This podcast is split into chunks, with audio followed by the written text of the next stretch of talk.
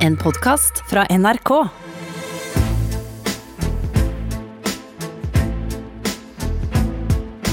Trump mot verden med Gjermund Eriksen og Sean Henrik Matheson. Du, eh, hva er det som kan løfte en meningsutveksling til nye høyder, Sofie? Jeg tenker store ideer, uenighet eller to mennesker som har ujevn fordeling av kunnskap. Eller hvor to mennesker har mye kunnskap om ett tema, men ulike tilnærminger. Ja, men altså da, i en debatt, hva er det du tenker gjør at én person kan vinne eh, overlegent over den andre? Kunnskap. eh, at man kan sette den andre personen på plass. Eller verdier. Eller at den ene Feil, feil, feil. Det er dop. Og det er narkotika. Og det har vi fra sikre kilder. Bare hør her. I think we should take a drug test prior to the debate. I do. ok, eh, Sofie, hva er det Donald Trump prøver på her? Altså, Dette føler jeg er tilsvarende det han gjorde med Clinton da han tok med seg uh, Bill Clinton sine accusers på den ene debatten. og liksom hadde forhåndsshow med de. Uh, og pressekonferanse. Altså, han, han prøver å vippe Biden av pinnen for det er liksom, og, og kødde med han. For det er liksom, å prøve igjen å antyde at han er egentlig megadopet på sånn antisenil dop. Og det er derfor han ikke kan ta en doprøve. Tror du han tror på noe av dette sjøl? Nei. Ja, jeg tror eh, heller ikke det. Men så tror jeg også at han er redd for å tape. Eh, og at noen har fortalt ham at nå har han produsert så høy fallhøyde eh, for seg selv, fordi han har sagt at Biden er senil. Så det vil ikke dette et ord ut av han. Eh, og da har han lyst til å mistenkeliggjøre, så han kan alltid si noe etterpå. Men det For Biden kan ikke si ja til dette. Du kan ikke si ja til en sånn type dopingprøve. Eh, så det, er sånn, ingen, det, altså det blir bare feil uansett hva Biden sier nå. Ja, jeg, jeg tror at vi skal innom flere ting når det gjelder Donald Trump og denne ukens uh, uttalelser. Velkommen til Trump mot verden, podkasten som prøver å forklare og forstå noe mer om amerikansk politikk ved å se på sammenhengen mellom serier og film. Fordi i USA, de som hjelper til med politikere, og de som eh, dekker politikere, er alle trent i drama. For er du ikke i et drama, så er du i ferd med å falle ut. Eh, Og det bygger på teorien om at en greker skrev en bok, politikken, og så skrev han en til, poetikken, og så skrev han en tredje, retorikken. Kanskje i den rekkefølgen. Mitt X-Fill-minne er uklart, men i hvert fall, det er en sammenheng, og det er at alle tre handler om å påvirke menneskers tanker og følelser for å oppnå noe. I dag skal det handle om debatt. Uh, hvor glad er du i West Wing, uh, TV-serien, Sofie? På en skala fra 1 til 48. Altså 105. Det er veldig glad i. og noe av det beste i den TV-serien er jo når alt står på spill, og han vi holder med, Charlie Sheen. Feil! Martin Sheen, faren. Bare testa om du har fulgt med. Martin Sheen, som spiller president Jeb Bartlett, kan tape. Og i debatter, påstår den serien, så kan alt tapes eller vinnes I en debatt. I én debatt. Eh, og eh, fordi det kommer til å handle litt om dette i dag, så tenkte vi at vi skal spille noen klipp fra TV-serien West Wing, hvor han Hele serien begynner jo med at han sliter. Eh, han har et flertall i Kongressen mot seg, og det er i oppoverbakke i et par år. Det ligner litt på hvordan Clinton hadde det under Newt Gingrich. Og så er det et valg. Han skal vinne gjenvalg. Og så møter han en kandidat som har vært frekk mot den, og som alltid kommer med det som politikere egentlig er trent opp til av disse jeg har sagt lester Aristoteles, eh, både poetikken, politikken og retorikken, nemlig at du må ha korte, konsise svar. Ting jeg er helt imot! Som dere hører. og der sliter du også, Sofie. Det kalles kalles ja. the ten word answer. Hva er det for noe? The ten word answer. Det er kort og godt og konsist. Alle forstår det. Og det er det mange da mener vinner deg valg. At du greier å svare på store, komplekse spørsmål og koke det ned til ti ords svar. Ja. Og øh, i denne serien så kommer Bartlett, og han skal inn på scenen, og han står sammen med kona si, den ultimate øh, kona du vil være gift med hvis du er president, for hun er smartere og er klokere, men klarer å støtte Og deg. du- dritkul. Og dritkul. Og når du sliter, så pleier hun å støtte deg. Og han prøver å snakke om at forrige gang så hadde han et magisk slips som han sørte på, men det var noe magisk med det hvor de klarte å tørke av det, og han skulle være litt stressa, og så begynner scenen sånn. I don't think I've done enough to help you prepare for this debate. Why are you telling me this now? Just cause. Oh my God. Og så klipper hun over slipset hans. You? You're insane! Charlie! For å få den samme dynamikken som forrige gang. Og så dundrer de inn, og så sier de 15 seconds og 20 seconds, og han får nytt slips, og han setter seg på scenen, og så er det et lite parti hvor de forklarer alle reglene om hvordan sånne presidentdebatter foregår. Eh, Og det har vi ikke helt tid til, men det er en kjempebra episode. Løp og kjøp, folkens. Og så kommer vi til det stedet hvor han andre motstanderen snakker og kritiserer Bartlett og sier at uh, hele tiden så driver du med unfunded mandate. Det vil si at du pålegger delstatene ting å gjøre uten at du finansierer det. Fordi han er republikaner og har tro på å dele ut skatteletter og ikke nødvendigvis dele ut offentlige tjenester.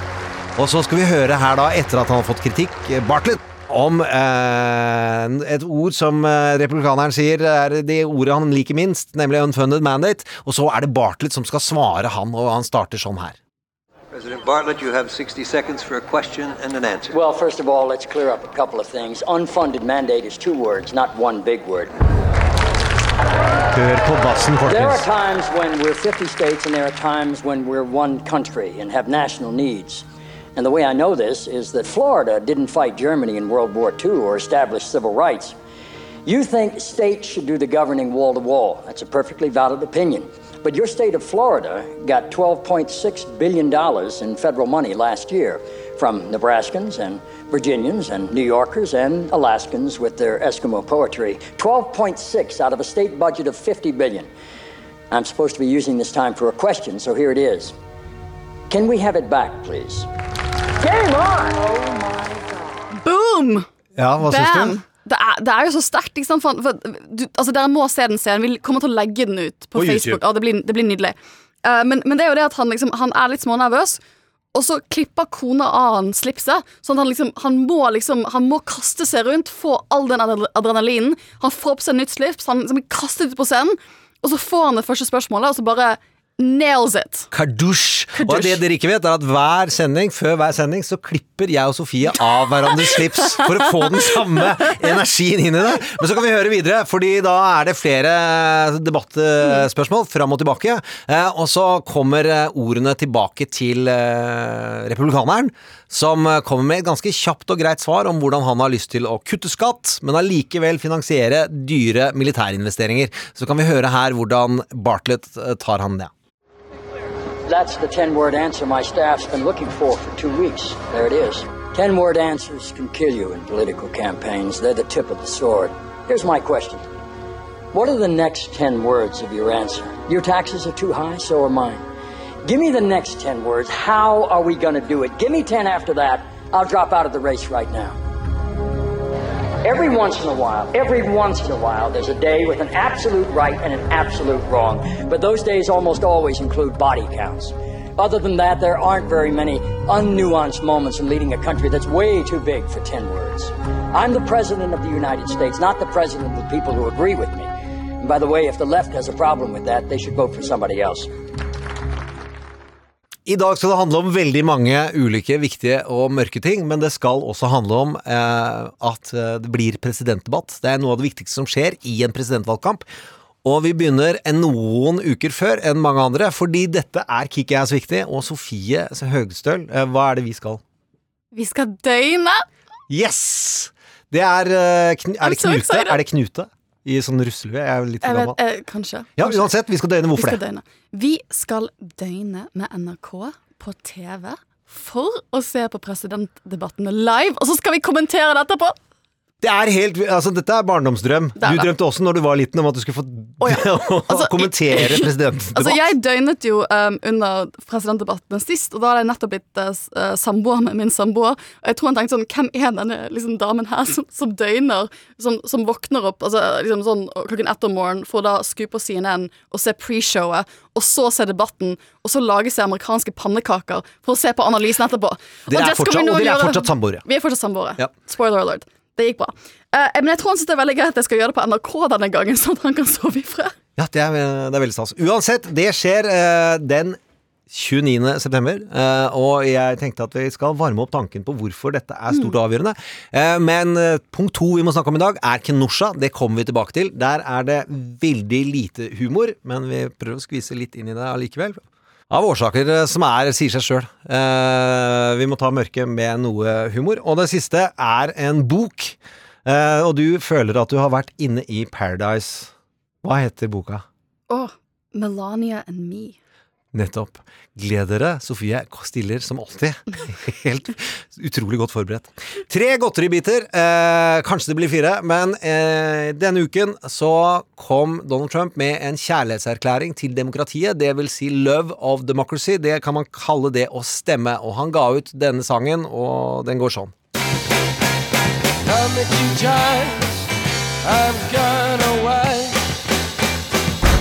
Han ba folk om å stemme to ganger. Eh, Det må vi rett og slett, for å ta det inn skikkelig, så vi høre at Donald sier det også.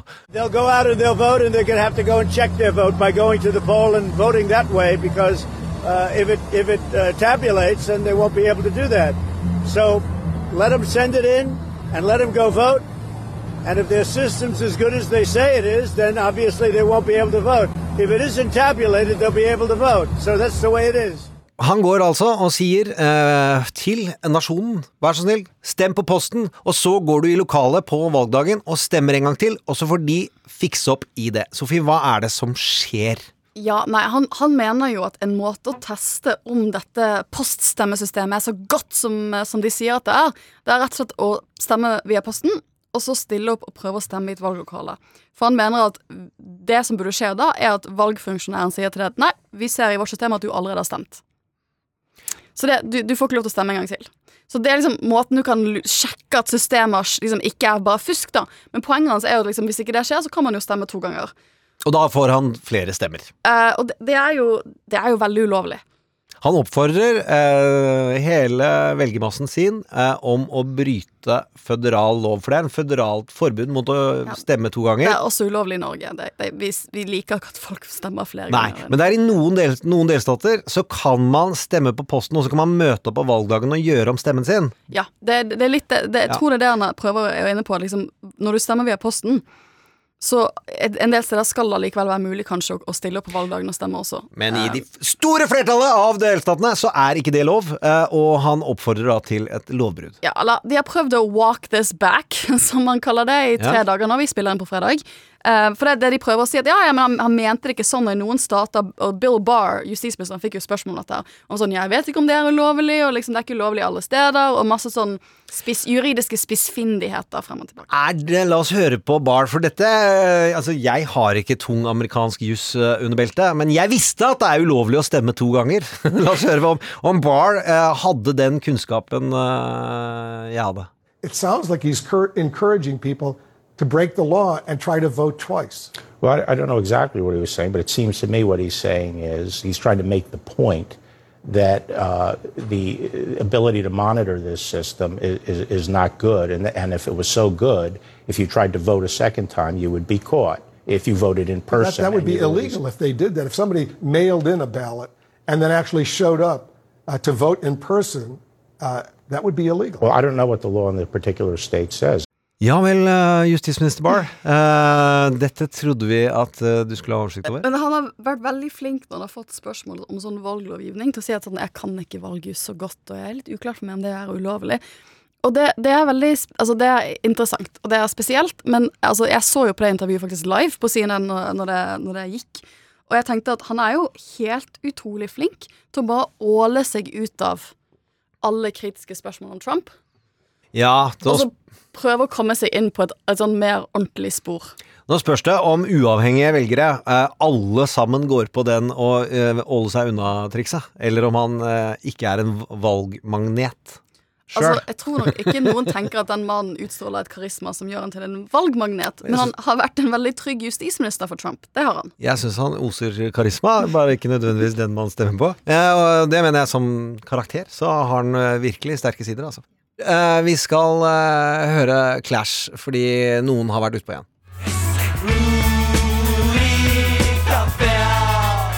Rudy, en av våre favorittkarakterer, tidligere ordfører av New York og en som lå godt an til å skulle bli president, eide all respekten i hele verden og har da hugget den i stykker, lagt det i syrbad og dratt det ned i et toalett. Var da i denne ved konventet forrige uke, og da kan du se han sitte og svette som et uvær med alle mulige koronakameraer på, og står og tapper seg på panna og tapper seg på og svetter og svetter og svetter. Det så varmt ut. Det gjorde og så legger han den servietten han da har svetta og svetta, og så klapper han på det som ikke er dattera hans. Men er kjæresten. Han, Kjæresten. han holder på å gå gjennom en ganske vond og bitter skilsmisse. Hvor mange har han vært igjennom før? En del, tror jeg. Ja. Mm. Han er i sterk konkurranse med Men ekskona skriver visstnok også på bok, så det bare gleder seg. Rudy kommer tilbake, og med det så har vi vært igjennom godteribitene.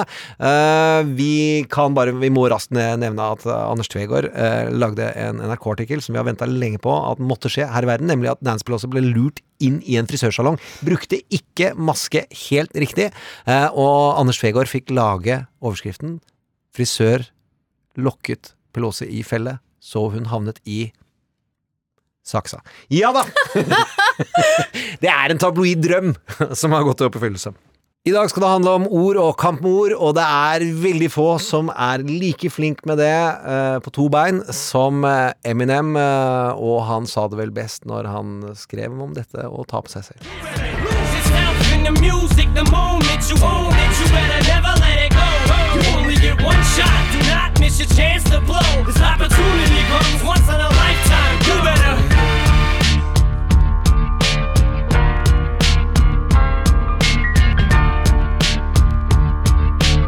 Trump mot verden. Sofie, du var også i 30-årene når du hørte Eminem. Nei, jeg var 16.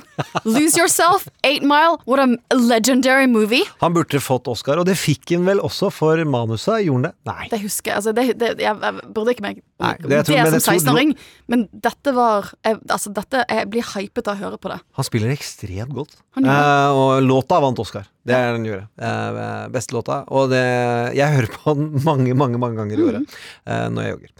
Folkens, eh, presidentdebatter eh, Vi kommer ikke til å kunne snakke om alle sider ved presidentdebatter, men nå har vi jo fått Nå kommer de det skal sitte et sted i seks timer og gjøre det.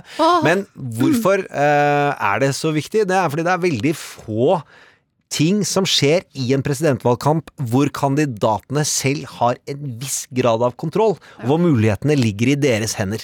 Eh, og der er det fullt av eh, historier om ting som har skjedd, som vi tenker vi skal gå gjennom. Men la oss begynne med sånn kulturen i USA. Har mye mer debatt under huden. Du har debate classes på skolen. Eh, og du har et helt annet fokus i akademia, altså. Ja, ja, absolutt. Altså, Elizabeth Warren, for eksempel. Det var sånn hun begynte sin akademiske karriere. Hun ble liksom state debate champion. Hun var på sånt debattlag, og det var sånn hun fikk eh, scholarship til eh, college da hun var 16. Det var ved å være, liksom, vinne masse sånne lokale debattkonkurranser. Her har jeg et rørende smil. Hvis noen ikke hørte det, så har jeg et rørende smil. det syns jeg var utrolig hyggelig å høre. Ja. Hvordan, eh, var du med på noe sånt? Ja, så når jeg, jeg begynte jo på, som sagt, på amerikansk barneskole da jeg var ti. Vi bodde i Holland, som har av en eller annen grunn en amerikansk barneskole. Eh, og det var noe av det første jeg husket. For jeg snakket jo ikke så godt engelsk. Men jeg husket at jeg skjønte etter hvert eh, de første ukene at man skulle gjøre en prestasjon, for vi skulle bli lært i debatteknikktrening. Og det var noe liksom av det første, så Min tydeligste minner fra den tiden Det var å holde den lille talen som mamma selvfølgelig hadde skrevet for meg. Jeg snakket jo ikke så godt engelsk. Mm. Men å fremføre den muntlig, få liksom trene muntlige ferdigheter Og hvor utrolig stolt læreren min var av meg for at jeg turte å gjøre det, og hva han sa til meg etterpå. Og hva sa hun da? Hun sa 'You are a risk taker, Sophie'. Du tør å ta risiko. Du tør å liksom drite deg ut og prøve. Og det, det husker jeg, det levde jeg på så utrolig lenge, og syntes det var en veldig morsom del av undervisningen at vi gjorde så mye med muntlige ting. Og hva er det jeg gjør i dag? I dag er jeg med å lede den muntlige satsingen på jusfakultetet. Så det liksom, det er noe jeg har fått eh, Dette er storstas. Eh, En av mine største kjepphester her i verden er uh, å prøve å slåss for amerikansk respekt for både skriftlig og muntlig krangel. Altså, De er så glad i gode argumenter, og er glad i velformulerte uh, framstillinger av egne posisjoner. Så halleluja, dette blir veldig moro. Men hvorfor er, vil du si at presidentkampanjer, uh, presidentdebatter er viktig? For jeg tror alle vet at presidentdebattene er ofte de tingene man ser tilbake på når man ser tilbake på valgkampen. Får man en god presidentdebatt, så kan det være med på å oppsummere hele presidentkampanjen. Det er det vi husker. Altså Allerede fra 2016-valgkampen, hva er det man viser klipp av? Jo, debattene mellom Hillary og Trump. Og så som du sier, det er en av de unike, særlig i et land med 330 millioner mennesker, unike nattene hvor alle som jeg vil se på, da, se på som, ser, som følger politikk, ser på den samme tingen. Og det er en unik mulighet for deg som kandidat til å skjære gjennom. Mm. Og så er det, jeg kan også si at alle er tjent med at det er stakes, at det står mye på spill. Kandidatene hauser det opp, eller de kan hause det litt ned, det kan vi komme tilbake til, men mediene konkurrerer jo om folks oppmerksomhet. Og det å få folk til å læres opp til at nå må du se på amerikansk politikk, det brukes dette til. Så alle er tjent med at dette skal stå på spill. Og det har vært en del debatter hvor det skjer fint lite. Eh, I dag skal vi gå gjennom noen historiske eksempler der det skjedde fint mye. En favoritt er jo gode gamle Reagan når han var i primærvalgkampen og sitter og krangler med Bush er der og et par andre. Eh, og det er noen diskusjoner om hvem som har betalt for lokalet, og om egentlig vi skulle hive vekk Reagan og hive vekk et par av de andre som ikke lå best an på meningsmålingen. Og det foreslår da den som eier lokalet. Så kan vi høre da hva Reagan sier. Mr. Green, you turn on microphone. You asked for me if you would. I am paying for this microphone, Mr. Green. og så reiste han seg opp, fordi han er en Hollywood-trent Ja, ja. Han visste hva det vil si å markere seg sånn, og det ble jo da sagt som det er hans øyeblikk. Har jeg ikke helt tro på. Uh, men la oss hoppe videre til et annet historisk øyeblikk rundt Reagan, og det er jo når han stiller til gjenvalg. Da er vi det samme sted som Bartlett. Hør her hva som skjer med Reagan uh, når han blir utfordret på at han har en høy alder. I recall yet that President Kennedy had to go for days on end with very little sleep during the Cuba Missile Crisis. Is there any doubt in your mind that you would be able to function in such circumstances? Not at all, Mr. Truitt, and I, and I want you to know that also I will not make age an issue of this campaign. I am not going to exploit for political purposes my opponent's youth and inexperience. Kadusj! Og der er vi ved et veldig viktig funn. Ja, kjør. Han tar en av sine svakheter, snur om kniven og gjør til motstanderens svakhet. Setter den i øyet på motstanderen, folkens. Og Det er dette- nydelig, altså Retorisk nydelig. Ja, og godt planlagt, og den replikken var helt sikkert uh, skrevet av uh, hans uh, dyktige medarbeidere i, som prep til debatten. Og så må vi ta fram et øyeblikk til. Altså For meg er kanskje sånn et av disse ikoniske øyeblikkene er jo den første televiserte presidentdebatten i 1960 mellom Kennedy og Nixon. For det, det var liksom første gangen man, man gjorde den type altså TV-debatt. da. Uh, og liksom en av de som, uh, en av de som kjente sitatene, det var sånn uh, former senator Bob Doyle, uh, som, som da hørte på dette på radio. Og han satt og hørte på radio og tenkte sånn Ja, Nixon gjør det jævlig bra, liksom. Dette Mm. går veien. Og så så han TV-klippene dagen derpå, og så skjønte han at nei, det var ikke den dynamikken som var på TV-studio. For der stakkars Nixon nettopp tror jeg hadde vært eh, operert eller på sykehus eller et eller annet sånt, og så ganske sånn sliten og svett ut og litt sånn utmattet ut, så så Kennedy ut som denne der kjekk, masse utstråling, og ung og dynamisk. Mm. Og Liksom, det å se på den debatten, det var noe helt annet enn å høre på den. Og da tror jeg liksom, da kom jo dette inn i presidentkampanjen, at det er jo ikke bare hva du sier, men det er utstrålingen din. Det er måten du beveger kroppen din på. Det er alt det andre du signaliserer. Det kan man trygt si. Dette er eh, TV-revolusjon. Ja. TV-revolusjon. Ja, og så må vi snakke om det ikke alltid du vinner eh, og kommer sterkt ut av det. Her er eh, visepresidentkandidat som skal stille sammen med George Bush etter Reagan, og møter en senator vi ikke husker navnet på, men vi kan høre hva, altså, hvordan det gikk. I have far more experience than many others that sought the office of vice president of this country. I have as much experience in the Congress as Jack Kennedy did when he sought the presidency. I will be prepared to deal with the people in the Bush administration if that unfortunate event would ever occur. Senator Benson? Senator, I served with Jack Kennedy. I knew Jack Kennedy. Jack Kennedy was a friend of mine. Senator, you're no Jack Kennedy. Dødsstøtet. Altså, for det, det som er morsomt her, er at han blir jo visepresident, han stakkars Dan Quayle. Men mange mente jo at hans presidentkarriere, altså utsiktene for at han kunne bli president etter det, var litt over. For det er det folk husker. Ja, og øh, denne senatoren som sa de ordene, huskes ofte ikke navnet på, Ja. men de, den setningen 'You are no Jack Kennedy' ble jo da brukt i utrolig mange debatter som et eksempel på at nå skal du settes på plass. Um, Og liksom, det som er så kult, som du sier, at liksom, dette her var Vi vet nå at det var innøvd. Mm. De hadde tenkt på det. Han ventet på muligheten til å bruke det. Men han fikk det til å se ut som det var noe han fant på på direkten. Og den preppingen, liksom, det, det jeg hørte, er liksom, det å preppe presidentkandidater og visepresidentkandidater slik i debatter, at de er såpass godt preppet at de har sånne stikk som de bare kan kaste ut, hvor det ser naturlig ut og ektefølt ut. Ikke sant? Men det bare sånn slår til på det nivået der. Det var etter dette her man skjønte at det å bruke mye tid på debate prep, Ja. det var viktig. Zingers er det som uh, man sier at man må hamre ned og ha mange av, og så øves det. Og så kan vi godt snakke om prepping som en viktig del av det. Uh, der har vi jo uh, hørt noe om Obama, hvordan han preppa til eh, 2012, og da kommer det en fyr som skal være eh, Romney, og jeg husker ikke hvem, hva senatoren heter, men han er ganske god. Han kommer litt under huden på Obama, men ikke godt nok. Eh, altså han, fordi Obama er jo da president, og får ikke helt eh, den uh, motstanden han skulle. Eh, og skal vi eh, snakke om Hillary. Ja, hvis dere ser på den eh, Hillary-dokumentaren som ligger ute på, på NRK sine nettsider, tror jeg fortsatt, Mm. så har de da eh, noen klipp fra noen prepper til presidentdebatten eh, 2016. Eh, først i primærvalget, og da hadde hun liksom fire-fem av sine seniorrådgivere som fikk eh, rollen av å spille forskjellige andre motkandidatene hennes i, uh, for, for Det demokratiske partiet. Um, og de, de har jo da fått i jobb å bare lese seg opp og ned, f.eks. på Bernie Sanders. Så det var en fyr som skulle bare være Bernie Sanders. Han skulle skjønne hvordan Bernie Mm. Sanders tenker. Tenker sånn at han kunne komme med realistiske svar som Bernie Sanders ville gjort, og realistiske Bernie Sanders-stikk. Og det var jobben hans, liksom. Og når hun kommer da til presidentdebatten med Trump, så hadde hun også en staffer som skulle være Donald Trump. Det var jobben hans. Ja. Og han klarte det veldig bra, har jeg Mhm. hørt, eh, Mhm. via David Axelrod. At han kom med utrolig drøye, farlige, syke utspill.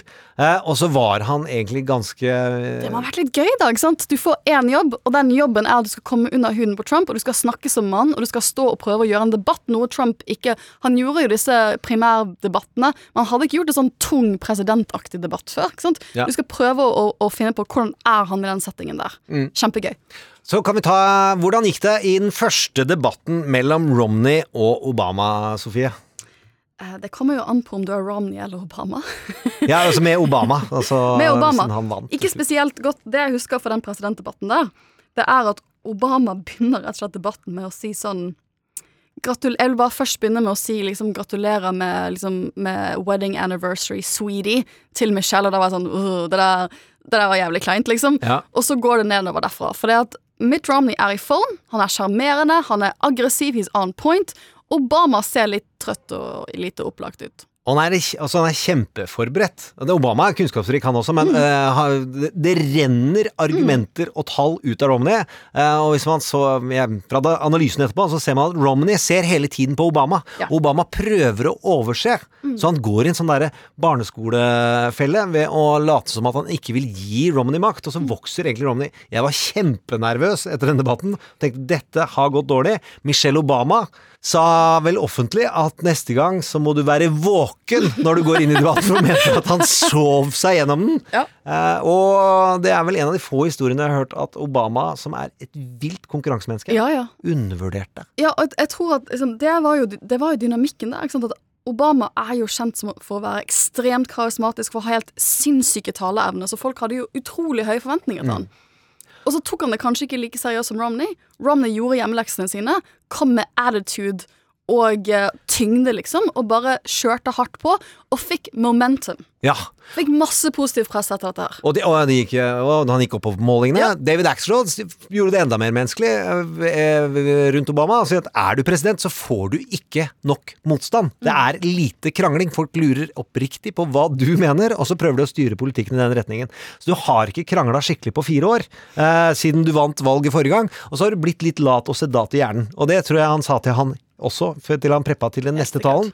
Og så kommer eh, den neste debatten, og da får Romney eh, en, eh, et spørsmål om hvordan han vil bruke penger, og hvordan han vil eh, utvikle Forsvaret. Og sier at eh, det med skatteletter skal vi ordne, og vi skal sørge for å få mer penger til Forsvaret. For Forsvaret har råtna på rot. Vi har færre båter, og vi har færre fly enn noen gang. Og da svarer Obama det her. Bob, I just need to comment on this. The budget that we're talking about is not reducing our military spending, it's maintaining it. But uh, I think Governor Romney maybe uh, hasn't spent enough time looking at how our military works. You, you mentioned the Navy, for example, and that we have fewer ships than we did in 1916.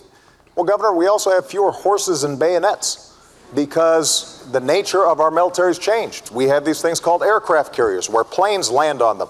We have these ships that go underwater, nuclear submarines. And so the question is not uh, a game of battleship where we're counting ships. It's, it's what are our capabilities? Der følte jeg at den vant valget. Ja, altså Obama i første debatten var det Trump ville kalt low energy. Ja, Ikke sant? Og så kom han tilbake i andre debatten og sa at nå må jeg bare skjerpe meg. liksom Nå må jeg bare skjerpe meg betraktelig Og så er han wham bam på. Ja. Og tar Romney for en del ting, deriblant dette her. Det er mange som følte at, at, ja, og at dette var debatten da Mm. alt snudde. Og etter det så så eh, Så løsnet det seg. så løsnet det seg. Obama. Så vil tallene, de underliggende tallene, både som eh, Stuart Stevens har snakket om i boka si, og som han snakket om i mange intervjuer, men også Axelrod, som hadde tallene, så tallene fra andre siden, de visste sånn cirka at Romney var skadeskutt i mars. Så han prøvde alt han kunne å ta han igjen, for du vet aldri om hovedmotstanderen din kan det skje noe med, eller at du får noe ekstra på den. Eh, men det man husker, er blant annet det øyeblikket her, som at eh, verden er over. Biden versus Trump, hva tror du? Jeg tror det blir veldig spennende.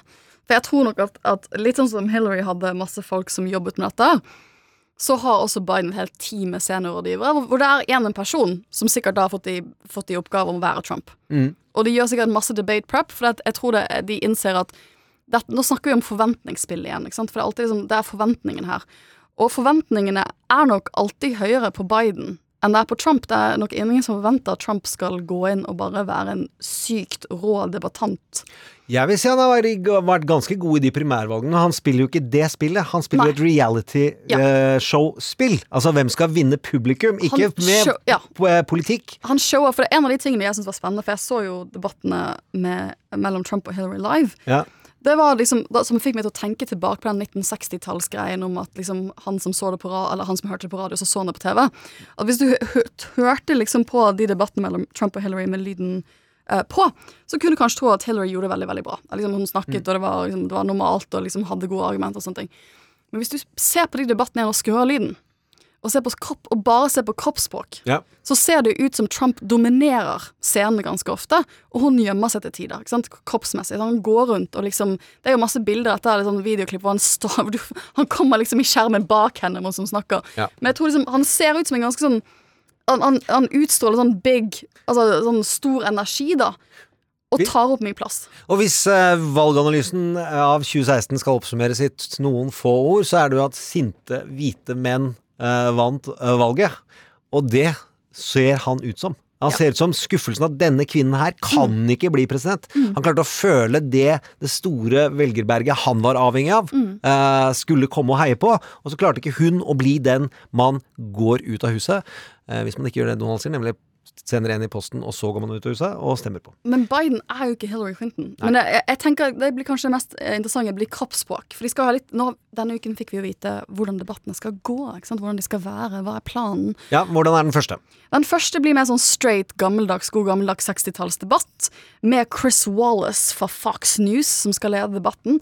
Som vi snakket mye om for noen uker siden da han Mm. intervjuet Trump. Vi mente han hadde en av de beste intervjuene med Trump som blitt gjort. i hans Han har kommet under huden på Donald. Han har det. Ja. Um, så, så han Så da han, står de bak sin, hvert sitt kateter. De skal stå bak hvert sitt kateter. Talerstol. De får taletid. Ja. Det er ganske klare debattregler. Ja. Du har replikkutvekslinger, og sånne ting.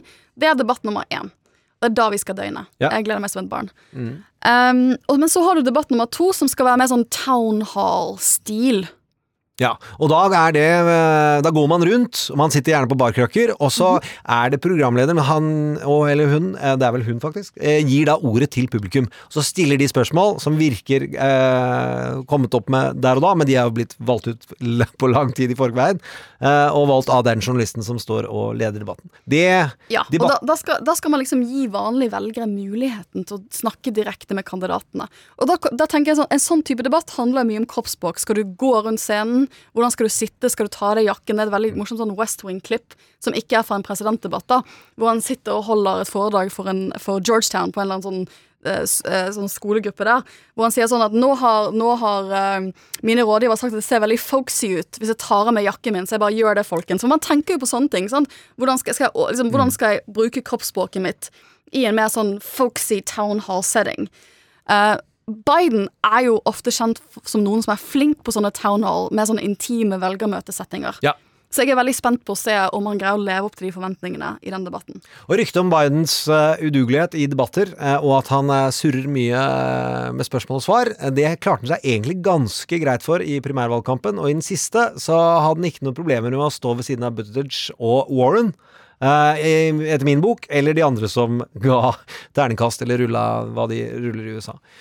Helt til slutt, hvis dere skal se noen som tok feil i Town Hall-strategiene, så legger vi ut på Facebook når eh, godeste Al Gore Ja, skal gå mot George Bush, og har fått beskjed om gå mot den. Bare vis hvor svær du er, for han virker ganske liten mot deg. Så ser det bare fullstendig nå velger jeg å gå inn i et akademisk vokabular utvikla av min 13-åring. Dust ut! det ser dust ut. Altså, det, det, vi skal legge den ut på Facebook-siden, der må dere se. For det, et, da, liksom, da har stakkars Al Gore fått beskjed om nå skal, du, nå skal du se voksen ut. Du skal ikke være sånn visepresident, nå skal du være presidential. Du skal bruke kroppen din til å vise hvor kul du er. Og så gå, skal han liksom dominere Bush mens han, Bush står der og snakker, Mm. liksom. Og så går han opp til han, og Bush bare ser på han sånn øh, og snur seg. Totalt avvist. Knusende.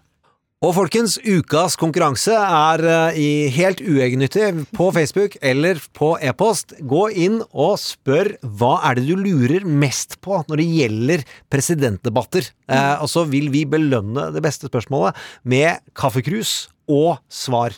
Og shout-out på kvelden. shout-out og kjærlighet. Mm. Så Kjærligheten blir følt, da. Altså, Ja. er der. Og apropos det med ord, følelser og kjærlighet, så er det vel eh, Om det var Henrik Wergeland eller en annen som skrev dette. Words don't come easy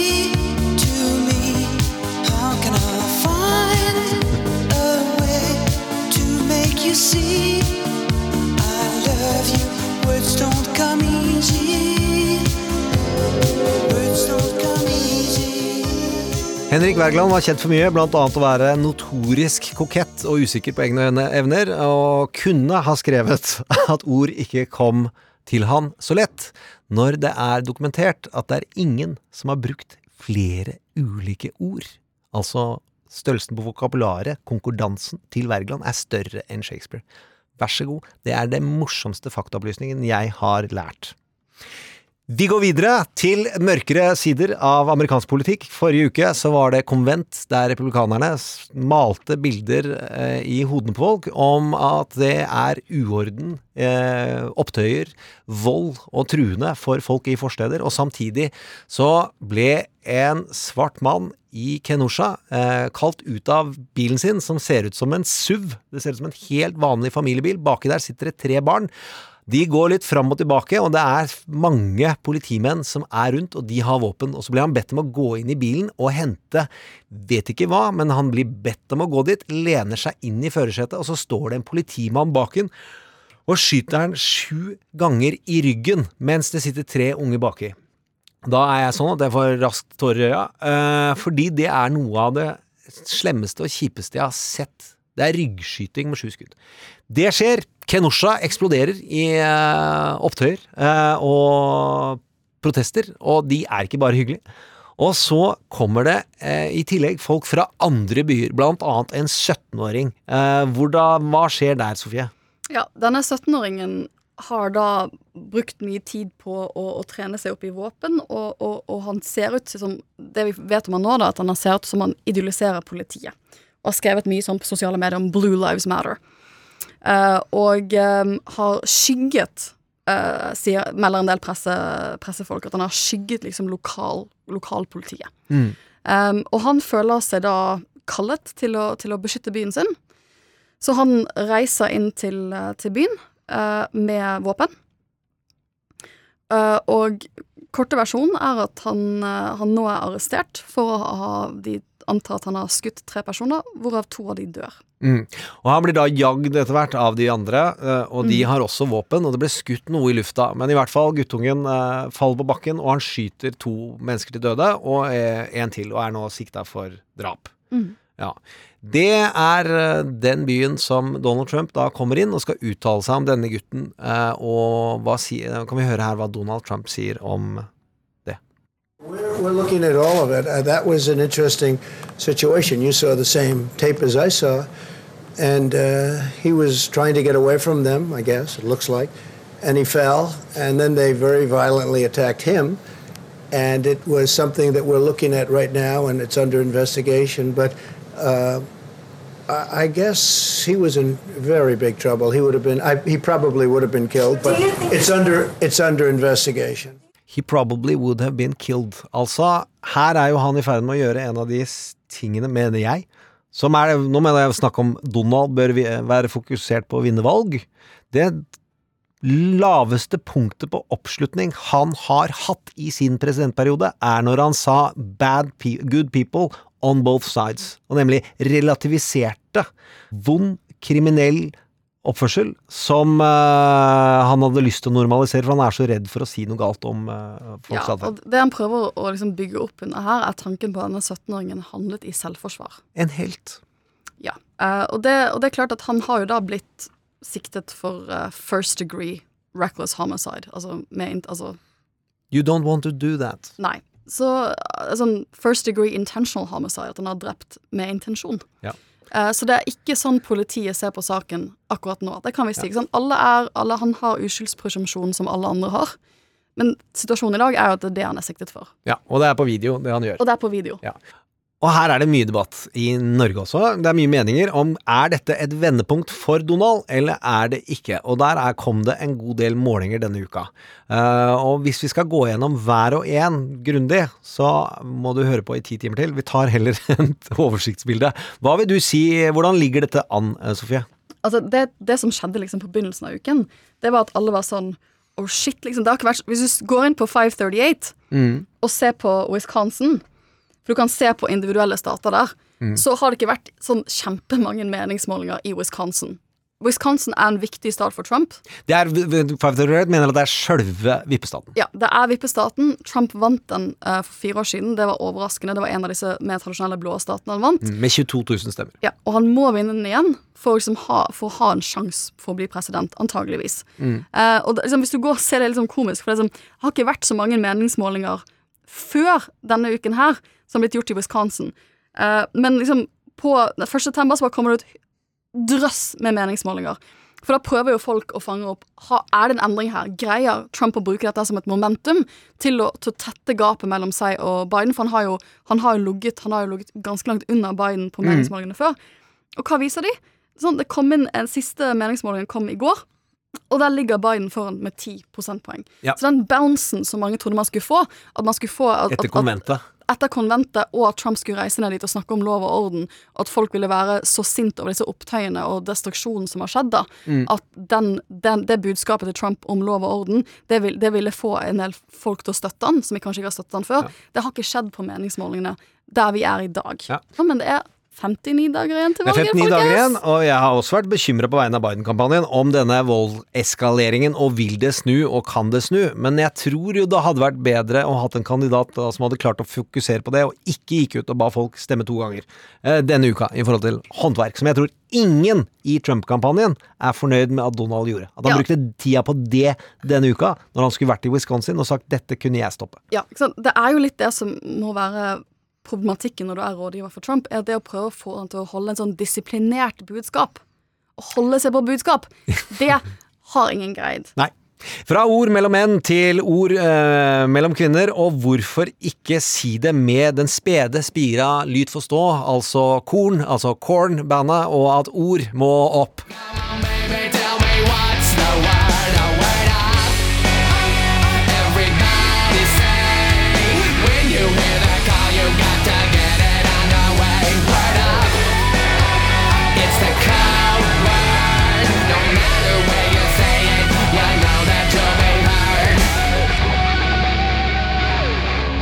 Trump mot verden. Velkommen til eh, Bokhjørnet.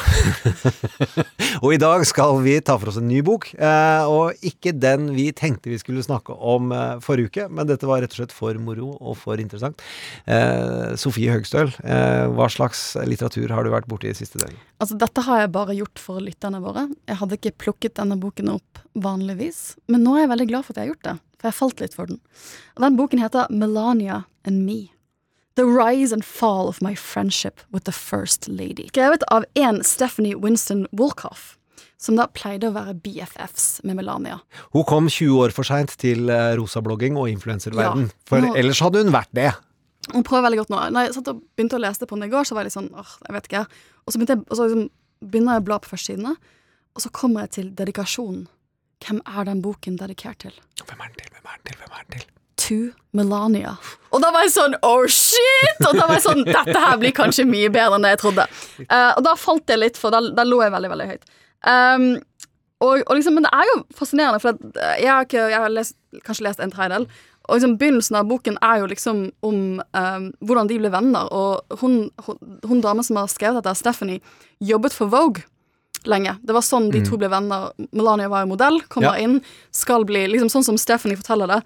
Hun kommer inn, de blir kjent når de er sånn 32-33, rundt sånn 2002, da hun har blitt sammen med Donald Trump, og skal rebrandes til å bli litt kulere, litt mer sofistikert, bli en type dame han kan gifte seg med. Så hun kommer liksom inn i Vogue-kontorene. Stephanie blir mer av et liksom, team rundt henne litt på Vogue, da, som skal lære henne opp i å bli uh, Det er Pretty Woman. Pretty Woman, Litt mer high, high class enn hun kanskje var. Og det er sånn de ble venner. Og Stephanie um, jo da, jo da kjent, har jo da den rollen i Vogue at hun planlegger The Met Gala. Ja. Og det er det beste Donald veit om, er å gå i dress og Ja. gå opp en rød løper, og hun har lagd det som ikke er Oscar eh, eller Emmy, men er et av de største og viktigste. Og da skal hun lage det for Donald òg. Hun skal lage det for Donald også, for det, det er derfor hun får jobben etter Ja. hvert. For å lage Det inaugural. innsettingsseremonien. innsettingsseremonien. The biggest crowds var jo under Obama, men Donald hadde en del crowds, han òg. For det jeg helt har glemt og fortrengt, for så vidt, det var at uh, Donald valgte å um, propose til Melania på vei til Met Gala i 2004. Ikke sant? Så, det, det liksom, så de har den relasjonen, da. Altså, Jeg altså, hun skjønner nå hvorfor du ble glad i den boka. altså, dette er kjempespennende. Dette er sånn- juicy, dette er den, det er- TV-folk er ser på. Ja. Uh, og liksom, hun, Det er Melrose Place. det er, altså, det, er jo, det er jo så mye her, ikke sant, så, Ja. å ta av Hun skildrer jo også en Melania som er veldig privat. Ikke går ut og fester, hun lever ikke det er sånn 90-tall, 2000-talls toppmodellivet som vi kanskje tenker, da. Det er ikke mye fe vill festing på byen. Hun er litt sånn, hun er ganske privat av seg, er mye hjemme, og hun skjønner veldig godt det er det hun skiller. Hun skjønner veldig godt den rollen hun skal ha i Donald Trumps liv, Ja. og hvem han blir bygd opp til å være for han. Armhulecandy, som eh, det blir kalt. Og hennes, visstnok da, hennes personal sånn, ting hun sier til selv, er 'what doesn't kill you only makes you stronger'. Det han skildrer Mm. innledningsvis, det er at før Melania møtte Donald, så var hun singel, og så var hun en rimelig ok modell, men hun hadde liksom ikke en sånn sikker fremtid foran seg. Ti år etter det så er hun mye mer polert. Hun er gift, hun er på forsiden av Vogue, hun har blitt mor, hun har fått amerikansk statsborgerskap, og ti år etter det så er hun first lady. Ja. Så hun har jo gjort en helt sinnssyk klassereise sånn sett. Det bør komme en lang TV-serie der også. Jeg syns at et av de Jeg har sett intervjuet, et langt intervju med henne. eh, altså, Altså forfatteren. forfatteren, ja. Ja. og der kom det fram noe vi hadde et eget eh, innslag om tidligere, nemlig den jakka som hun hadde når hun skulle reise til grensa og se at det var folk som var syke og døde der, så hadde hun en jakke det sto I don't care på. Og hør her hva som kommer fram. Why did she wear that jacket? Well, when I spoke with her, when she and I spoke about it afterwards, I told her I would have jumped on her. I don't know if I put it on the book or not, but anyway. And Melania told me nobody would be able to jump on me because Melania makes her own decisions. Hervé, Pierre, her stylist, um, I actually sent him a picture, a screenshot of it. Because you was, were upset by it. When you saw it, you realized I didn't think it was real. the wrong thing. You didn't think you thought it was a Photoshop was- photo. and so did Hervé. It was that shocking. And so did Hervé. But why did she do it? Because she wanted everyone to know that she went to the border. She did not feel the press would cover a good deed.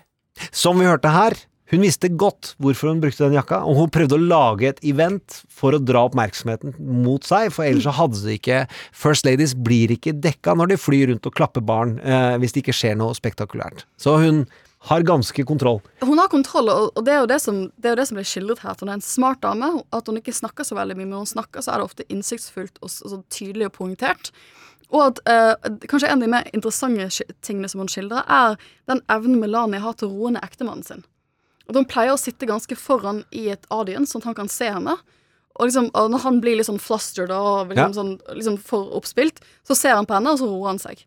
At hun har den, hun har den, hun har den egenskapen. Det er deres dynamikk, da. Og fra Trump-familien, dersom du eh, snakker eh, mye om Trump og stabler ordene inn i et glass og rister på det glasset, og det detter ut, så kan det bli truth.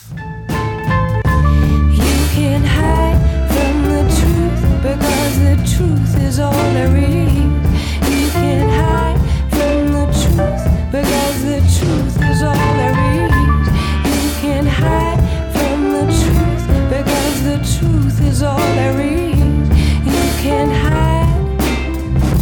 Trump mot verden. Ja, folkens, og da vi, har vi lagt våre kloke hånder sammen og prøvd å finne ut hvem som har foreslått ulike skarpe kniver i skuffen som Donald har igjen, fordi han har kvittet seg med mange av sine rådgivere. Og det har kommet mange gode forslag, og det er ikke tomt for flinke folk. Eh, vi sender en kaffekopp til Alexander Kofod, som trekker fram Stephen Miller, eh, noe av, på den mørkere siden, vil jeg si, av eh, taleskriveren hans, som har skrevet noen ganske mørke ord. Men det er ikke noe tvil om at han har forført eh, og klarer å fòre velgerbasen til Donald. Neste konkurranse har vi jo nevnt, nemlig at folk må gå inn og stille spørsmål. Hva er det man lurer mest på ved presidentdebatter? Altså, vi skal jo snakke sammen i sånn flere timer. Vi skal jo, altså, debatten begynner ikke før klokken tre om morgenen. Ja. Så her trenger vi stoff, folkens. Hva skal vi sitte og jazze om på TV Ja. midt på natten? Og hvis noen av dere lyttere har råd til hvordan vi skal holde oss våken For jeg vet at Gjermund Jeg er ikke redd for døgnet, men Gjermund har Jeg er fra 47 år, jeg sovner Ja. som en dritt klokka 11. Gjermund har yndet fram at han er litt redd for å holde seg våken, så hva er deres beste tips for å holde seg våken? Nettopp. Og vi deler ut én kaffekopp til eh, beste spørsmål om eh, presidentdebatter, og én kaffekopp til beste våkentips. Mm. Eh, Facebook-sida eller trump at nrk.no, som er e-posten. Altså beste våkentips som vi kan gjøre lovlig på TV. Ja, nettopp. Og med de bevingede ord så sier vi at uh, finn uh, gjerne et eller annet sted som gir oss anmeldelser, eller anbefal oss til venner, Uh, eller stopp folk på gata og si veit hva, dere bør høre på Trump mot verden. Hva er det for noe? Det er en podkast du kan laste ned overalt, eller gå inn på NRKs nettspiller. Helt til slutt så pleier vi å ha en sånn TV-seriekonkurranse hvor jeg og Sean prøver å dra i gang førsteepisoden i serien Trump mot verden. Nå skal vi forsøke det igjen eh, med en, eh, en sang noen av lytterne har foreslått til spillelista Trump mot verden, som ligger på Spotify. ok, da skal vi prøve dette her igjen. Det er jo noen uker siden sist. Eh, Husk på nå at det er en sang som er foreslått av en av dere, husker ikke hvem. og jeg syns den er et utrolig godt bilde på hvem vi har med å gjøre. Og da begynner vi med låta der.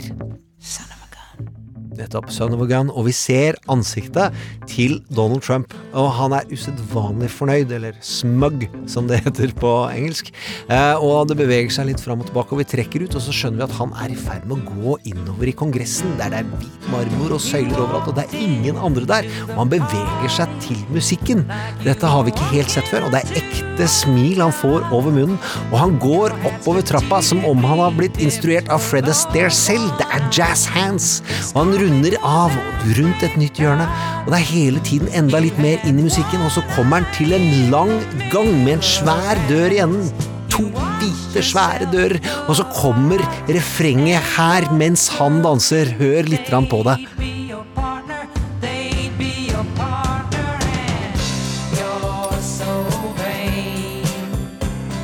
Det er noe bak den døra. Han åpner døra, og der står det en fantastisk Dallas-dynastiet-inspirert gulltelefon, hvor han løfter av røret.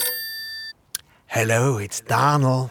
Donald Trump, this is Thomas. It's very important that you give the phone to a guy who's almost as vain as you. Almost. Who's that? Give the phone to Gjermund, please.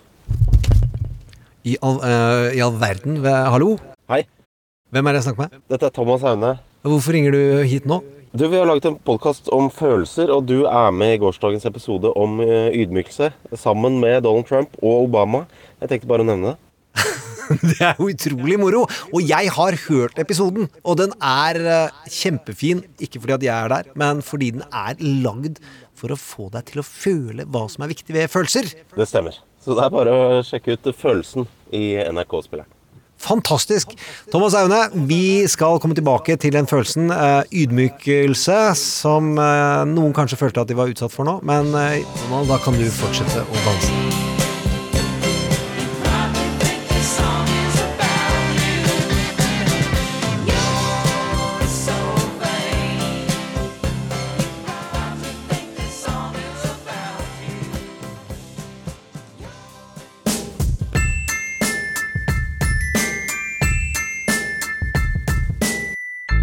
Trump mot verden.